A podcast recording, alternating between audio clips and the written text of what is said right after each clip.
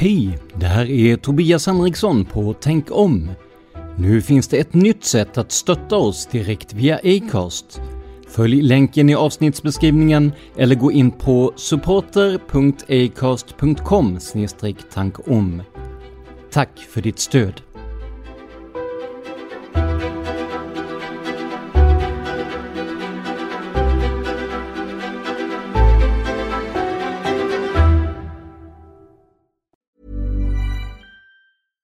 Catch yourself eating the same flavorless dinner three days in a row? Dreaming of something better? Well, HelloFresh is your guilt-free dream come true, baby. It's me, Gigi Palmer. Let's wake up those taste buds with hot, juicy pecan-crusted chicken or garlic butter shrimp scampi. Mm. Hello Fresh. Stop dreaming of all the delicious possibilities and dig in at HelloFresh.com. Let's get this dinner party started. Hey, it's Ryan Reynolds, and I'm here with Keith, co star of my upcoming film, If, only in theaters, May 17th. Do you want to tell people the big news? All right, I'll do it. Sign up now and you'll get unlimited for $15 a month in six months of Paramount Plus Essential Plan on us. Mintmobile.com slash switch. Upfront payment of $45 equivalent to $15 per month. Unlimited over 40 gigabytes per month. Face lower speeds. Videos at 480p. Active Mint customers by 531.24 get six months of Paramount Plus Essential Plan. Auto renews after six months. Offer ends May 31st, 2024. Separate Paramount Plus registration required. Terms and conditions apply if rated PG. Millions of people have lost weight with personalized plans from Noom. Like Evan, who can't stand salads and still lost 50 pounds. Salads, generally, for most people, are the easy button, right?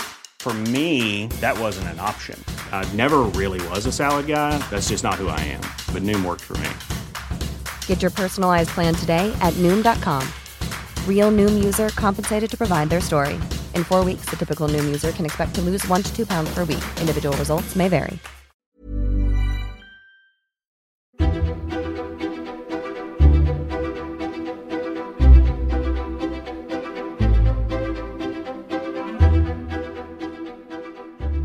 Välkomna till Tänk om special, en granskande podcast av mig, Tobias Henriksson. Ni som känner till Tänk om sedan innan vet att vi oftast granskar myter och konspirationsteorier. Något som såklart är väldigt viktigt i ett samhälle där fakta allt mer får stå tillbaka för åsikter. Men ibland kommer vi även att ge plats för lite andra granskningar och då i det här specialformatet. Innan vi går in på själva ämnet vill jag påminna om att detta alltså är ett specialavsnitt, så ni som är sponsorer på patreon.com tankom kommer inte att debiteras för det här avsnittet. Det gäller bara de vanliga programmen som kommer ut varannan vecka. Men om ni känner att sådana här specialprogram är viktiga går det istället alldeles utmärkt att donera via Swish. Och numret finns i avsnittsbeskrivningen. Men nu kör vi igång med dagens avsnitt. En av de saker som diskuteras mest på sociala medier är medias makt och huruvida media berättar hela sanningen eller inte. Oftast är det sajter och publikationer på högerkanten som ifrågasätter framförallt public service oberoende. Men ibland blir diskussionen betydligt bredare än så. Vi ska titta på ett fall som verkligen delat publiken i två läger. Ett läger som håller med de som granskar och ett läger som håller med dem som granskats. Vi kommer att utgå från en lokal granskning gjord av SVT Blekinge, men historien och slutsatserna är lika viktiga och intressanta var du än bor i landet. För oavsett var man är, är det viktigt att veta att medias rapportering är korrekt och professionell. Och vi säger inte att den inte varit det, utan vi vill bara granska båda sidorna av den här historien och se vad som stämmer och inte. Vi på podden har ingen agenda att hänga ut vare sig de granskade eller SVT Blekinge, utan vill försöka ge en nyanserad och korrekt bild av händelseförloppet. SVT Blekinges ansvarige utgivare, Mattias Kristiansson, har skriftligen svarat på de påståenden och frågor som kom upp efter intervjun med de som granskats. Och dessa kommentarer kommer såklart att redovisas fortlöpande. Och för att vara helt transparent, jag och Mattias har delat redaktion för cirka fem år sedan på TV4 i Malmö. Men vi jobbade med helt olika uppgifter och gjorde inga inslag tillsammans.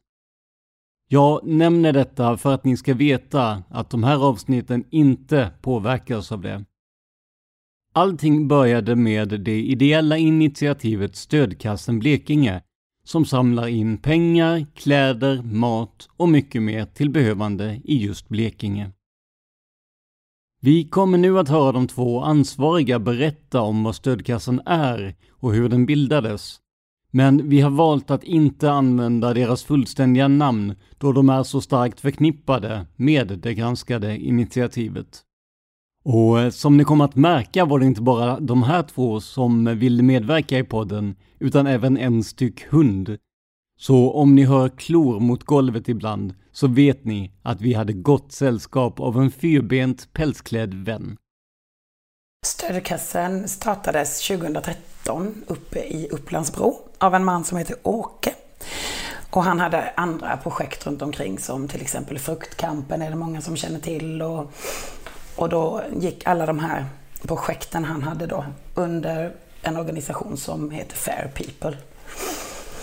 Men eh, just stödkassen han startade handlade ju om att ja, ge mindre bemedlade familjer stöd med matkassar helt enkelt, kläder. Det var så det började. Och eh, sen så sökte själva stödkassen då systergrupper över hela landet som man kunde bilda själv då som privatperson. Och 2014 hittade jag den i Blekinge då, stödkassan Blekinge och kände att jag hade lite tid över som fembarnsmamma. Så då hoppade jag på den och strax efter det så hoppade även du på den också.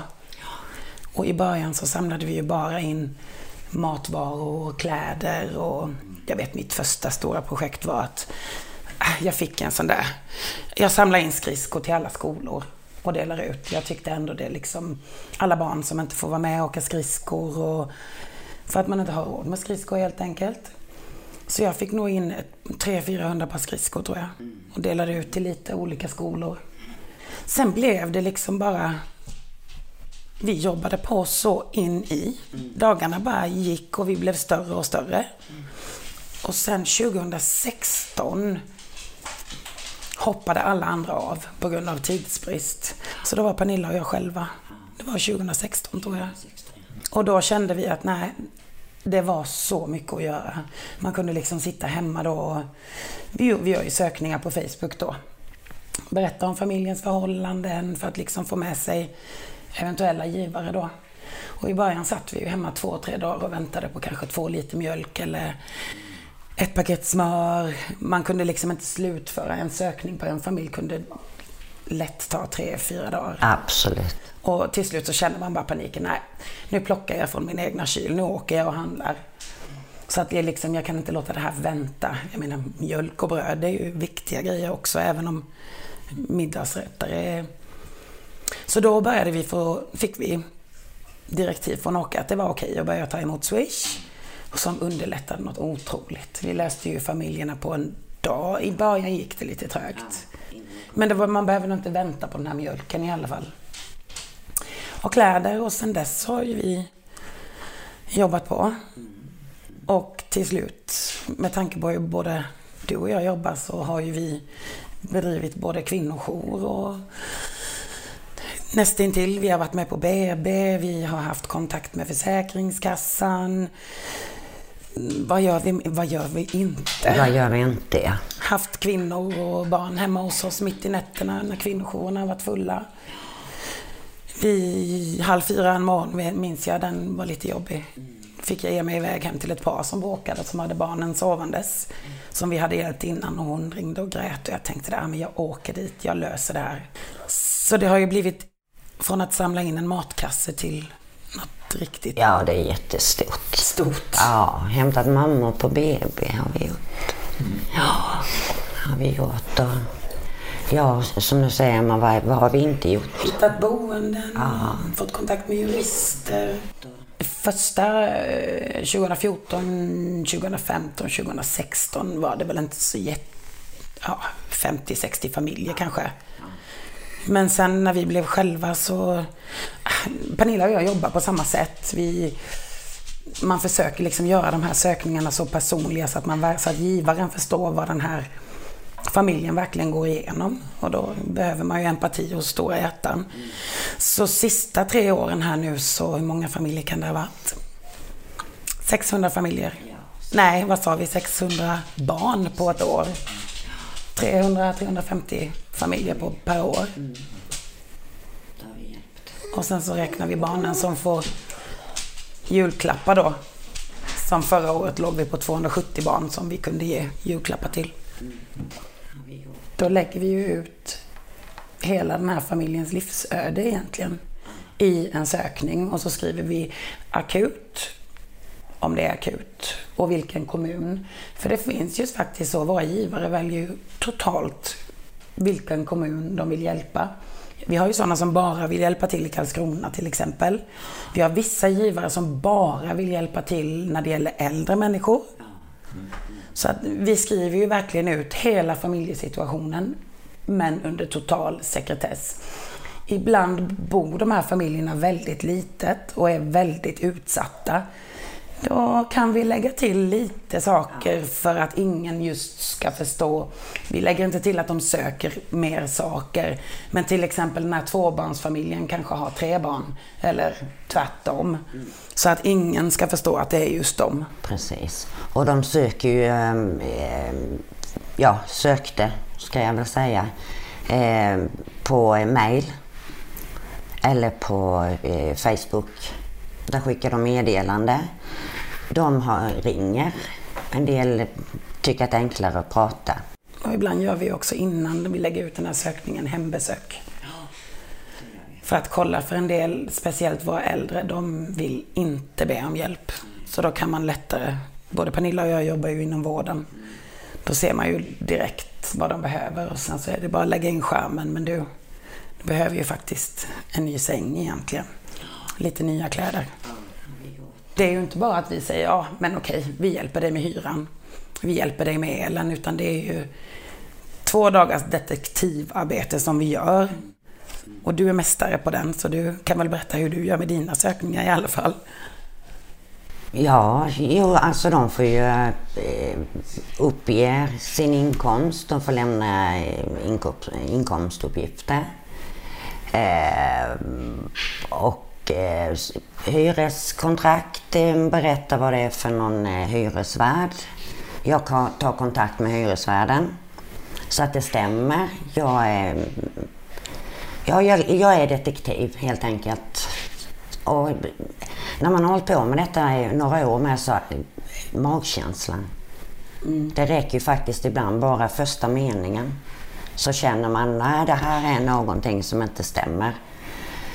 Ehm, och när man då ställer kanske lite mm, ledande frågor eller eh, frågor så drar de sig undan ganska så snabbt om det inte är ärligt. Och, fast det är inte ofta vi råkar ut för dem. Nej, men vi har ju också jobbat så för att våra givare ska lita på oss. Du kan ju till exempel inte skriva till mig, hej jag behöver verkligen hjälp med mat. Och så ser jag att du har varit på köp och sälj Karlskrona och köpt en soffa för en vecka sedan. Det går inte. Så och eftersom att vi är vi privatpersoner så får ju vi ställa de här frågorna. Jag, jag ger dig av min tid och av mina givares förtroende liksom. Så så har vi ju jobbat. Ja, ja. och vi har ju faktiskt hittat ett par stycken, eller jag har hittat ett par stycken på köp och sälj. Där de söker efter en ny soffa liksom. Eh, och då blir det ju självklart nej direkt. Hela den här granskningen från SVTs sida började när reportern, som vi inte kommer att nämna vid namn då det är den ansvarige utgivaren som tar beslut om publicering, kontaktade stödkassen för att vara med när de hjälpte en äldre man att sanera dennes lägenhet. Men enligt de granskade själva var det inte alls deras arbete som skulle granskas, utan något helt annat. De hör av sig till oss angående en sökning som vi hade ute på Facebook om en äldre man som vi skulle göra en sanering hos hemma. Och då bad de att de skulle få komma eh, upp och göra ett reportage och filma den här eh, äldre farbrorns hus. Eh, ja, och när de kommer dit där så börjar de ställa frågor om hur vi jobbar på stödkassan och ekonomi. Och ja, det handlade ju ingenting om själva saneringen Nej. förstod vi ju sen. Ja. Utan de, var ju inte, de ville ju knappt gå in i huset då utan reporten utbrister ju då att fy fan vad här luktar och ser ut. Och det var ju riktigt illa. Vi låg ju på knä och skrapade med spackelspadar. Det var ju en till två centimeter skit överallt. Och de var ju inte så mycket intresserade egentligen av vad vi gjorde där. Utan de tog sig därifrån. Och sen så ringde de väl till mig dagen efter. Ja, du var ju inte där just då, nej, för att jag jobbade så att vi skulle gärna vilja träffa dig också och se din syn hur du jobbar och sådär. Så jag välkomnade dem hem till mig dagen efter. Och eh, tänkte att ja, nu får vi väl berätta lite om hur vi jobbar, för de har ju gjort reportage om oss förut. Och även tidningar har ju varit där, så vi tänkte att gud vad bra att de uppmärksammar det här med saneringen. Det var ju vår första tanke, för den var ju verkligen fruktansvärd. Så de kommer ju hem till mig då med kameraman och vi sätter oss i soffan och jag ursäktar att det är stökigt för att det var slutet av veckan. Jag hade väl två familjer som skulle få kläder så jag stod och strök och tvättade, sorterade och kastade kläder med hål och fläckar på oss. Sa, men kom ni in. Vi tar det som det är. Och sen så sätter de ju igång den här kameran då. Började, det första de började med tror jag nästan var, kan du förklara lite hur ni jobbar? Och jag förklarade väl att vi lägger ut familjer på internet och förklarar deras situationer. Och sen så trillade de ju direkt in på den här frågan om ekonomin. Och vad jag förklarade att vi de var ju väldigt konfunderade för att vi tog emot pengar då på våra privata Swish-konton. Och hur jag visste att pengarna skulle gå till den familjen. Och, men eh, alla sökningar vi har haft ute har ju haft ett nummer på den här familjen då. Och de givarna som vill skänka sina gåvor märker med familjens nummer så det är ju lätt att se som jag förklarade för honom. Och säljer man någonting själv och kommer in på det swishkontot, det gör man ju inte när man har en sökning ute. Så det är ju lätt att se. Sen ställde han ju frågan då, ja men kan ni redovisa? Ja, så jag, kontot är ju tomt. De pengarna man får in, de går ju ut senast två dagar efter, tre dagar om man väntar. Och på en sökning så hjälper man ju oftast en eller två familjer till som är på kö. Annars, som du brukar säga, så hade vi ju inte fått göra annat än att sitta vid datorn. Och sen så eh, frågar han lite om en privat insamling jag haft på min egna Facebook-sida när jag var iväg på semester. Jag brinner ju för allt och alla så att jag kände att jag hade fått kontakt med en kvinna där nere och kände att jag gör en liten privat och frågar mina närmsta vänner om de vill hjälpa till och skänka lite till de här fattiga barnen. Och så tar han upp den då. Ja, säger han, men du använder ju samma tillvägagångssätt som du gör på stödkassen. Nej, säger jag, men det, det gjorde jag ju inte, utan det var ju på min privata sida. Vad, vad har det liksom med stödkassan att göra? Det är ju mitt privatliv. Och så tänkte jag det, ja... Själva sökningen så vet jag att jag skrev Chululu Friends och jag tänkte, har jag skrivit så på stödkassan någon gång kan jag inte tänka mig. SVTs ansvarige utgivare Mattias Kristiansson har erbjudits att kommentera hur den inledande kontakten såg ut. Så här skriver han i ett mejl till mig. Citat. Vi påstod aldrig att vi jobbade utifrån en historia om en sanering. Vi sa att vi gärna ville vara med på platsen och bjöds in till det. Att säga att vi var ointresserade av det arbetet är inte heller sant.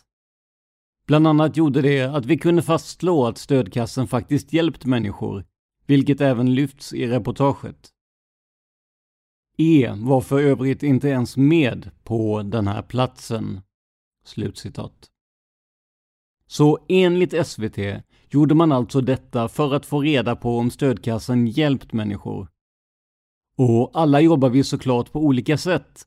Men i mitt fall var det lättaste sättet att faktiskt söka upp en person som fått hjälp och kontrollera. Mer om det kommer senare i avsnittet.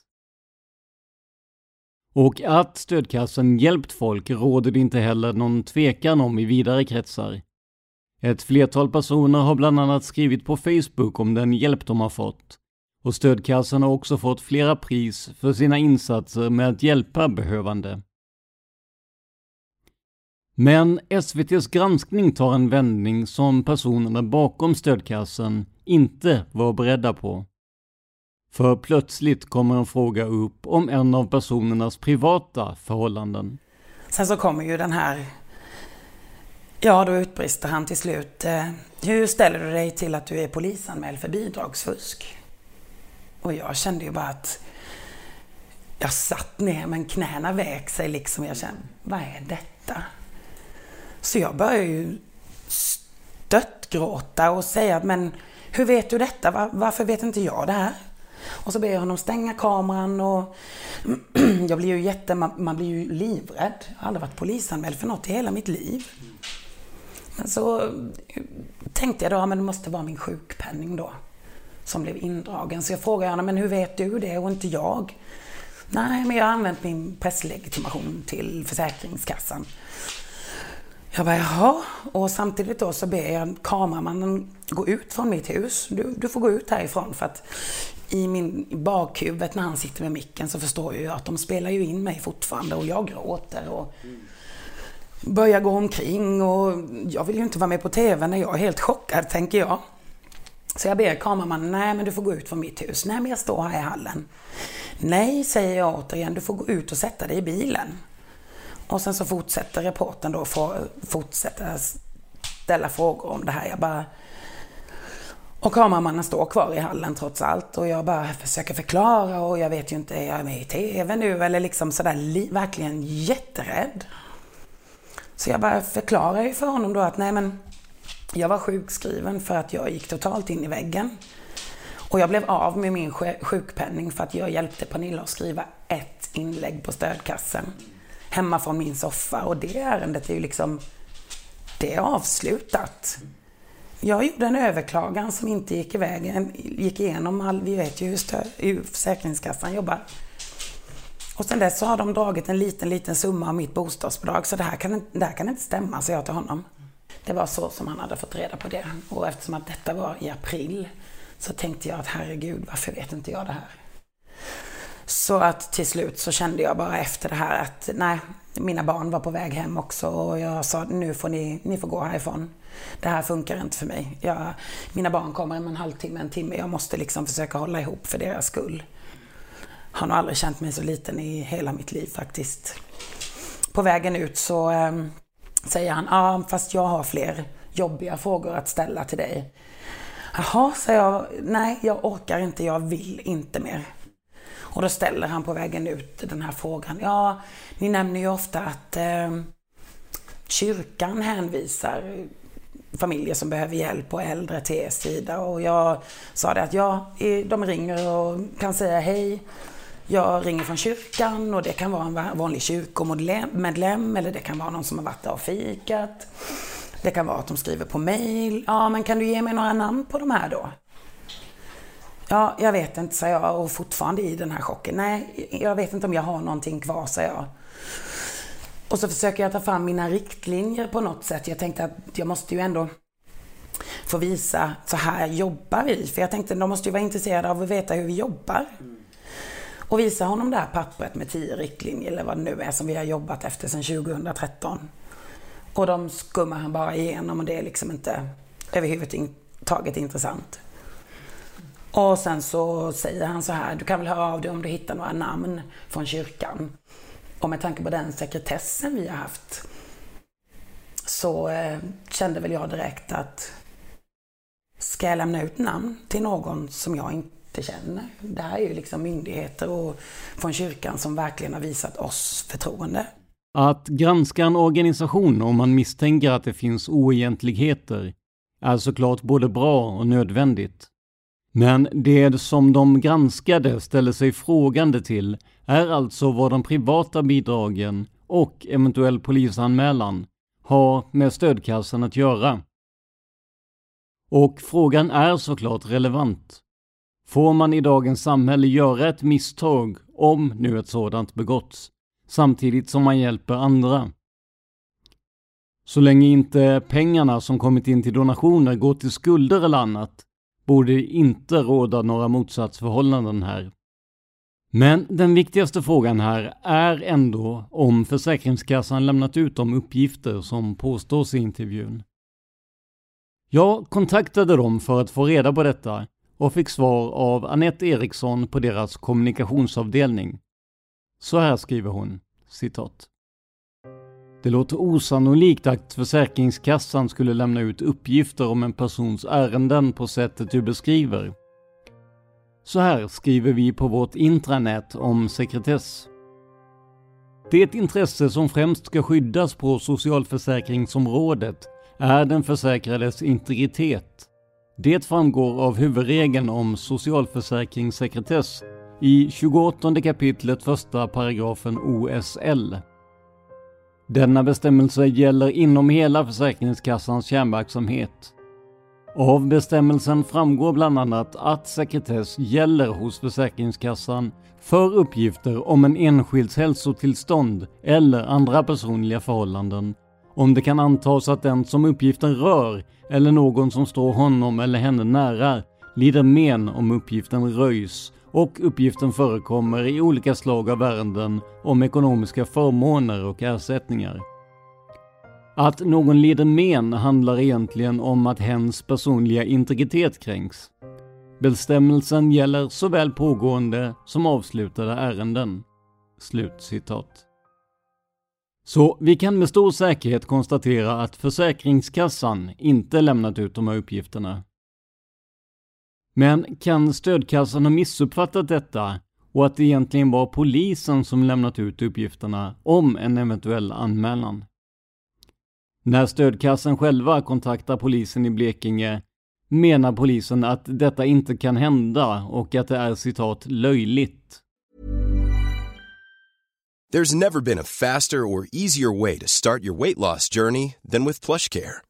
PlushCare accepts most insurance plans and gives you online access to board-certified physicians who can prescribe FDA-approved weight loss medications like Wigovi and Zepbound for those who qualify. Take charge of your health and speak with a board-certified physician about a weight loss plan that's right for you. Get started today at plushcare.com slash weight loss. That's plushcare.com slash weight loss. plushcare.com slash weight loss. Hey, it's Ryan Reynolds, and I'm here with Keith, co star of my upcoming film, If, only in theaters, May 17th. Do you want to tell people the big news? All right, I'll do it. Sign up now and you'll get unlimited for $15 a month in six months of Paramount Plus Essential Plan on us. Mintmobile.com slash switch. Upfront payment of $45 equivalent to $15 per month. Unlimited over 40 gigabytes per month. Face lower speeds. Videos at 480p. Active Mint customers by 531.24 get six months of Paramount Plus Essential Plan. Auto renews after six months. Offer ends May 31st, 2024. Separate Paramount Plus registration required. Terms and conditions apply if rated PG. Hiring for your small business? If you're not looking for professionals on LinkedIn, you're looking in the wrong place. That's like looking for your car keys in a fish tank. LinkedIn helps you hire professionals you can't find anywhere else, even those who aren't actively searching for a new job but might be open to the perfect role. In a given month, over 70% of LinkedIn users don't even visit other leading job sites. So start looking in the right place. With LinkedIn, you can hire professionals like a professional. Post your free job on linkedin.com slash achieve today. Men riktigt så enkelt är det faktiskt inte. Vi återkommer med det, men först ska vi se vad SVT svarar på de här påståendena. Citat. Svaret du fått från myndigheterna beskriver detta väl. Det är löjligt. För det första är det inte sekretess på om någon förekommer i misstankeregistret. För det andra särskiljer vare sig polis, Försäkringskassan eller andra myndigheter på vilka uppgifter som lämnas till press eller allmänhet. Därför finns det ingen anledning för oss att uttrycka oss så som påståtts, vilket ingen heller gjort." Slutcitat. Och frågan om polisanmälan är inte enkel. För att vara säker på att jag förstått det hela rätt kontaktade jag en jurist med stora kunskaper om offentlighetsprincipen. Och den eventuellt anmälda personen säger ju sig inte veta om en anmälan har gjorts. Och det är egentligen inte så konstigt. För enligt vår jurist är det först om någon är skäligen misstänkt som polisen måste underrätta personen. När misstanken inte når upp till den graden så måste polisen alltså inte underrätta. Man kan bli polisanmäld utan att få veta om det om polisen inte finner skälig misstanke. Och polisen kan inleda förundersökning och lägga ner förundersökningen utan att underrätta någon. Men finns det skälig misstanke måste man underrätta den misstänkte om nedläggning till exempel. Men det blir krångligare ändå. Så här säger juristen om SVTs svar, citat. Misstankeregistret förstår jag inte varför reporten nämner. Där antecknas alla som är skäligen misstänkta för brott. Man bör alltså veta om ifall man finns i det registret eftersom polisen har en skyldighet att underrätta den som är skäligen misstänkt. Misstankeregistret omfattas av sekretess. Det finns en del undantag, men jag tror knappast att en journalist eller annan privatperson får ut uppgifter ur det registret om andra personer. Vad reporten antagligen menar är inte misstankeregistret, utan snarare att han, hon, fått del av en polisanmälan där misstankar framgår mot en person.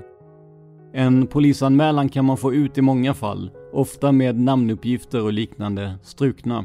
Slutcitat. Så det är inte helt lätt att ta reda på vad som stämmer och inte här. Men att SVT skulle ha tillgång till misstankeregistret samtidigt som den misstänkte inte blivit underrättad stämmer i alla fall inte. Möjligen har de fått del av en anmälan. Vi kommer att kontrollera de här uppgifterna ytterligare, men för det behöver vi lite extra tid. Så i avsnitt två kommer resultatet av våra ansträngningar att publiceras. Men det finns ytterligare en dimension av detta. För stödkassan menar att ordväxlingen om att reporten skulle ha använt sin presslegitimation för att få ut uppgifter finns på band. Om det stämmer finns det ett faktiskt bevis att ta på. Antingen har stödkassan rätt eller så har SVT det.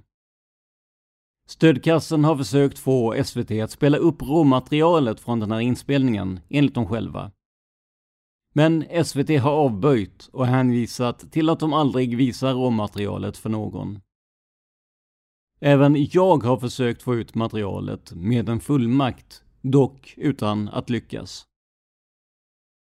När det gäller huruvida kyrkan hänvisat personer eller donerat pengar till stödkassan råder det däremot inga som helst tvivel. Vi har fått del av dokument som styrker detta, bland annat från en kyrkoherde och en ekonom inom en församling i Blekinge. Där frågar man bland annat om var den insamlade kollekten ska sättas in och får svar med ett kontonummer. Så att stödkassan har hjälpt en mängd personer, det kan vi slå fast. Så här berättar till exempel en person om kontakten med organisationen. Här får vi också en utsaga om att myndighetspersoner faktiskt hänvisar till stödkassan. Det var ju också en sån där situation för jag, jag var väl en sån där som inte hade bett om hjälpen själv egentligen utan det var min eh, BVC-sköterska som eh, tog kontakt med eh, Pernilla åt, eh, åt mig då. Frågan om hon fick göra det. Jag var väl lite sådär, ja. Och sen så, så men jag, jag var ändå, jag hade ett sjukt barn. Så jag hade ju inte så mycket ork liksom. Ehm, Eh, för sen han föddes så hade det kretsat mycket kring sjukhus och grejer och jag kunde inte jobba och ja, Försäkringskassan tar ju sin tid med att ge ersättningar och annat. Och, ja, jag åt väl knappt själv till slut. Eh, och vill man kanske inte heller blanda in familjen och göra dem för oroliga och sådär. Så eh, frågade ju då BVC-sköterskan hur jag mådde och då var det ju henne jag brast ut liksom så hon fick ju reda, det var runt jul 2014. Och eh, då tog hon kontakt med Pernilla åt mig och eh, ja, jag fick väldigt mycket hjälp av henne och jag fick kläder till barnen och blöjor och julklappar. Man trodde ju liksom inte att man knappt skulle kunna fira jul och, och ja, sådär. Det, sen dess har jag ju haft kontakt liksom med Pernilla. Hon har hjälpt mig någon gång till när jag har haft problem med Försäkringskassan så jag har fått hjälp mer än en gång. Så eh, jag vet ju att hon, hon gör så enormt mycket och jag har sett hur hon brinner för vad hon gör och att hon nästan tar slut själv ibland liksom bara för att hon vill hjälpa andra. Och, eh, man blir så ledsen när man ser folk eh, tro på allt det negativa liksom. För jag menar, de lägger ju enormt mycket själva på det här. De, de kör runt. Det, det är ju ingen som betalar deras bensin exempelvis liksom, när de kör fram och tillbaka liksom, mellan och hämta saker på affärer och köra hem till eh, ja, familjerna i behov. Och de skyddar liksom eh, sina familjer att man inte behöver uppge liksom, för hela världen att man behöver hjälp och, och så här. Och, ja, nej, jag tycker att de har liksom gjort ett fantastiskt jobb och jag, blir lite ledsen att, att man väljer att tro så mycket negativt liksom, innan det faktiskt är bevisat. Ja, För de har bevisligen hjälpt folk och de har hjälpt mig. Liksom. Mm. För det var precis det jag tänkte på. Hur reagerade du när den här storyn kom ut då från SVTs sida? Är det något du känner igen eller är det helt främmande för dig? Det är jättefrämmande för mig. Jag som liksom har... Jag är, dels har jag ju varit hemma hos Pernilla och sett hur hon skiljer liksom på eh, givarna saker och har sina saker för sig liksom och så här. Och sen så har jag ju liksom lärt känna en fantastiskt underbar person som är typ en ängel på jorden liksom. Och då blir man så ledsen att folk eh, direkt drar åt sig det negativa liksom. För att eh, hon, eh, hon är fantastisk och Nej, jag, man blir jätteledsen. Jag har till och med liksom skrivit och kommenterat och liksom försökt. För det är någon eh, liksom modern häxjakt det här, att de vill hitta negativa saker. De, de vill inte ta åt sig det positiva och bara hitta mer negativt och säga att de måste redovisa. Men då måste de ju säga alltså, personers namn och det kan de ju inte bara lägga ut heller. Liksom. Så långt alltså en av de många som fått hjälp av stödkassen. Men ytterst handlar ju inte de här programmen om det, utan om SVTs granskning kontra stödkassans version. Och där finns det ett argument som kanalen för fram som är svårt att komma runt. För det är ju så att de pengar som donerats till stödkassen har gått in på initiativtagarnas privata konton. De här pengarna har inte heller redovisats i efterhand, vilket stödkassan menar är av sekretesskäl för att inte lämna ut givare eller de som får hjälp. Så här säger de granskade om det. Alltså allting har ju gått så fort. Vi har ju, eftersom att vi har ju familjer, vi har jobb och vi har ju liksom, stödkassan har liksom blivit en del av vardagen. Så tiden, Pernilla och jag träffas ju till exempel en gång om året två max under de här åren vi har jobbat ihop. Men daglig kontakt liksom via sms och telefonsamtal. Och vi har ju även varit igång att för två eller tre år sedan tror jag det var skapa ett eget organisationsnummer till exempel. Man behöver vara tre stycken. Och då hade vi en som var på gång in. Men sen så flöt liksom tiden bara ut.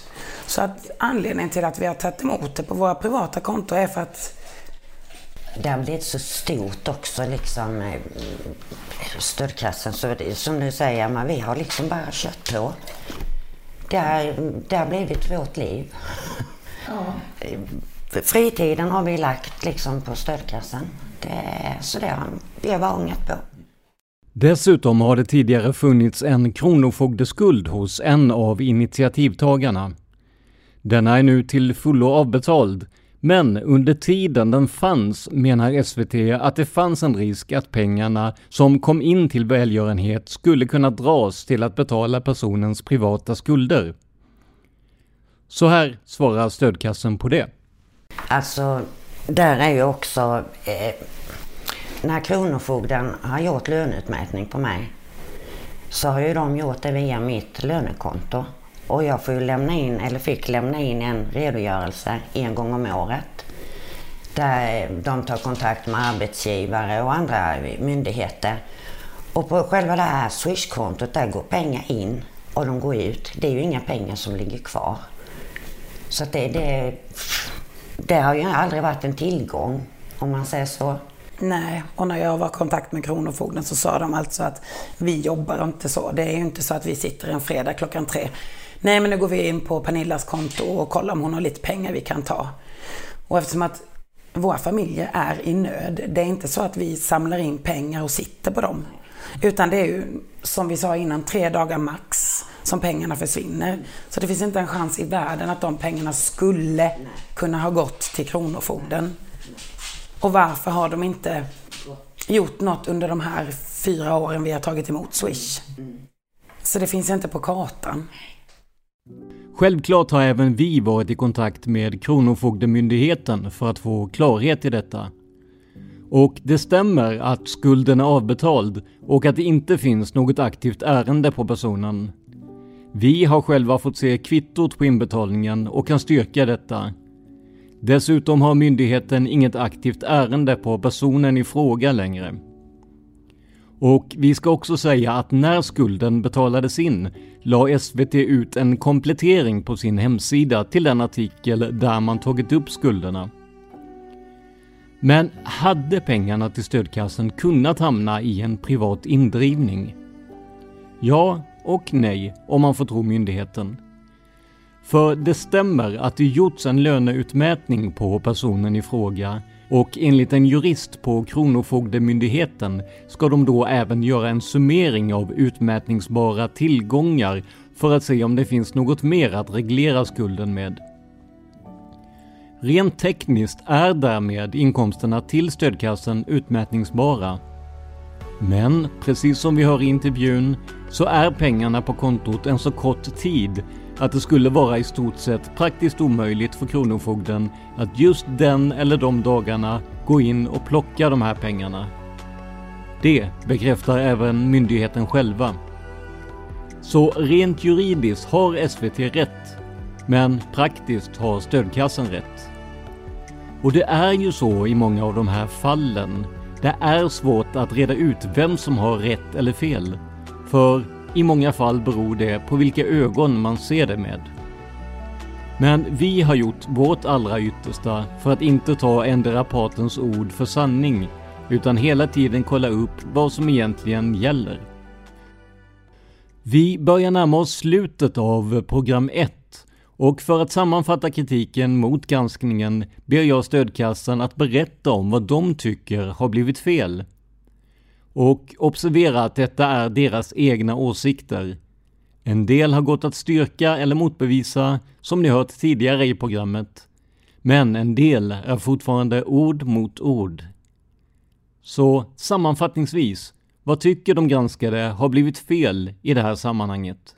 Allt. Allt ja. De vill ju hänga oss som eh, oärliga. Som privatpersoner. Det finns inte, även om man gör en granskning, de granskningarna jag har sett så har man ju åtminstone tagit upp något positivt. Det finns ju inte ett enda positivt ord i de här inslagen de har gjort. Och efter de här tre korta intervjuerna de fick med oss som sammanlagt kanske är på tio minuter så släpper de sex inslag. Med bara fullt av spekuleringar, negativa spekuleringar. Det kunde ha varit så, det kunde ha blivit så. Eh, och på alla de här sex inslagen så vet Pernilla och jag att vi har motbevis och legitima förklaringar till varenda, varenda inslag. Men bara för att de kränkte oss så fruktansvärt mycket vid sina besök så valde vi att nej, jag klarar inte prata med den här reportern längre. Det, alltså, jag kände mig så liten. Han kommer hem i mitt hem och anklagar mig. Han förtalar mig för någonting som inte är sant. Tror fanken att jag som privatperson blir livrädd. Inte känner överhuvudtaget förtroende för den här personen. Det är ju samma sak, han kommer hem här till mig i hallen. Och kameramannen försöker ju komma in med kameran och jag säger bara att kameran lämnar utanför. Eh, och då lämnar han ju dörren lite öppen. Så att han, ehm, ja, jag vet inte varför. Och då börjar den här journalisten också, eller reporten, och fråga om e- ekonomin och hur känns det att vara hos Kronofogden. Ja, så jag, alltså det är ju ingenting jag skäms för. Utan nu är det som det är. Det är inte mycket. Jag, jag vet hur det är att leva och äta grus, eller på säga. Mm. Nej, men att vara riktigt så. Eh, och sen gör han någon antydan. Eh, det är svårt att specificera, alltså så va, men han gör någon antydan om ekonomin. Att eh, skulle inte de här pengarna kunna gå då till Kronofogden och, och så vidare. Och då utbrister jag ändå, eller så säger jag till honom, är det någonting speciellt du syftar på? Nej, du skruvar han lite på sig så säger jag ändå, om det är något som jag tänker att du tänker, så hade jag för det första fixat mina tänder. Det är ju liksom, vem vill gå tandlös? Mm. Så att... Eh... Och där kommer ju också den här redovisningen in som vi vägrar göra. Han vill alltså att du på din telefon öppnar upp ditt bankkonto. Och så vill han då under ja, en minut i din hall. Han vill se fyra års transaktioner transaktion, precis. Hit och dit, fram och tillbaka. Eh, där fick Pelle 150 kronor till eh, mjölk och bröd. Mm. Alltså den redovisningen, den går inte. Och då frågar han efter mig, ja, ute i hallen. Kan du visa mig ditt bankkonto? bankkonto? Nej, säger jag. Det finns ingenting att visa. Givetvis har SVT fått möjlighet att besvara även detta och i frågan om att spela in i smyg, som stödkassen påstår, så har faktiskt kanalen och stödkassan en historia som i alla fall hjälpligt stämmer med varandra. Citat ansvarig utgivare Mattias Kristiansson. Vi tog upp ljudet, vilket har visat sig vara bra att ha när det kommer falska påståenden om hur vi skulle arbeta. Att inte lämna sin kollega ensam hemma hos ett intervjuobjekt kan vara klart motiverat av arbetsmiljö eller säkerhetsskäl. Slut citat. Och visst, man kan förstå den här inställningen. Men om någon ber en avvika från ens hus, varför gick inte båda två? Så äventyrade man inte arbetsmiljön eller säkerheten. Då hade man kunnat göra ett nytt försök med en intervju vid ett annat tillfälle och förmodligen haft mer förtroende hos de som granskades. En sak till som jag inte får ihop är varför ljudet skulle kunna styrka deras påståenden om det de kallar falska påståenden. De har ju redan tidigare i programmet sagt att de inte lämnar ut materialet av princip.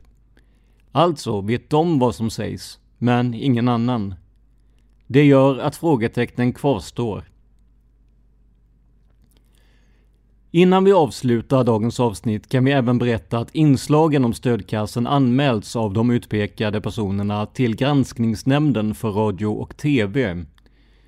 Den 26 november kom beslutet att nämnden valt att granska deras anmälan.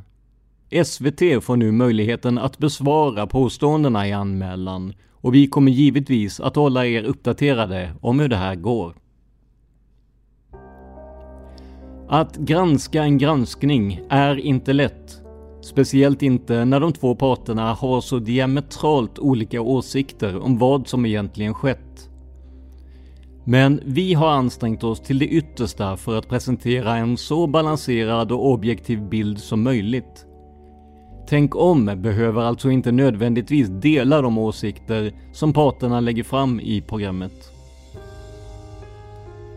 Vi valde att göra en större intervju med personerna bakom stödkassen för att deras kritik i mångt och mycket går ut på att de inte fått bemöta påståendena i SVTs granskning. SVT har erbjudit samma möjlighet men har valt att svara skriftligt. Så vad har vi kunnat komma fram till i dagens avsnitt? Ja, några saker i alla fall.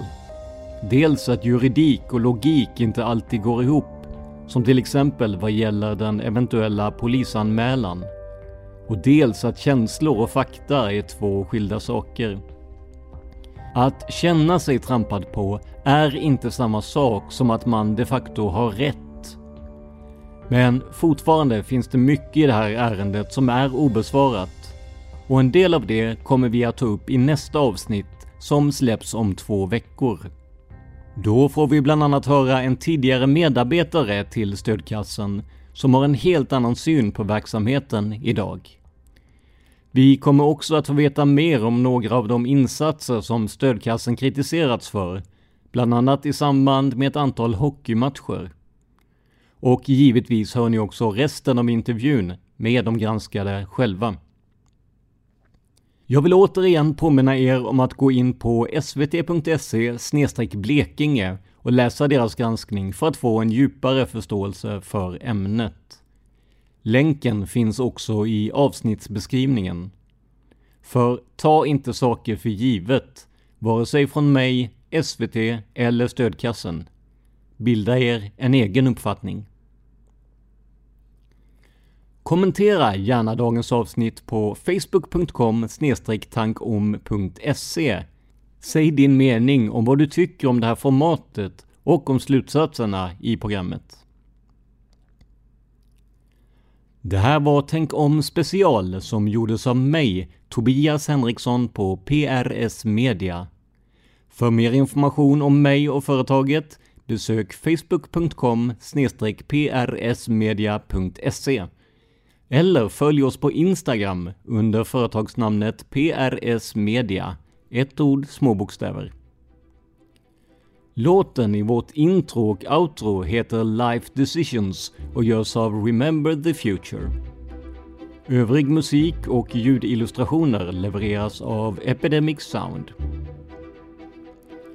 Glöm inte att ni kan stötta oss på patreon.com tankom där ni donerar en summa som podden får per publicerat ordinarie avsnitt. Och med tanke på ämnet i dagens program så måste jag såklart också säga att ni kan swisha en engångssumma till mig för att hjälpa mig att kunna göra fler och längre avsnitt. Och ja, min swish är kopplad till mitt företagskonto och går inte in på det privata. Nog så viktigt efter dagens avsnitt. Som vanligt, tack till Acast som distribuerar den här podden. Men framförallt, stort tack för att du lyssnar på Tänk om.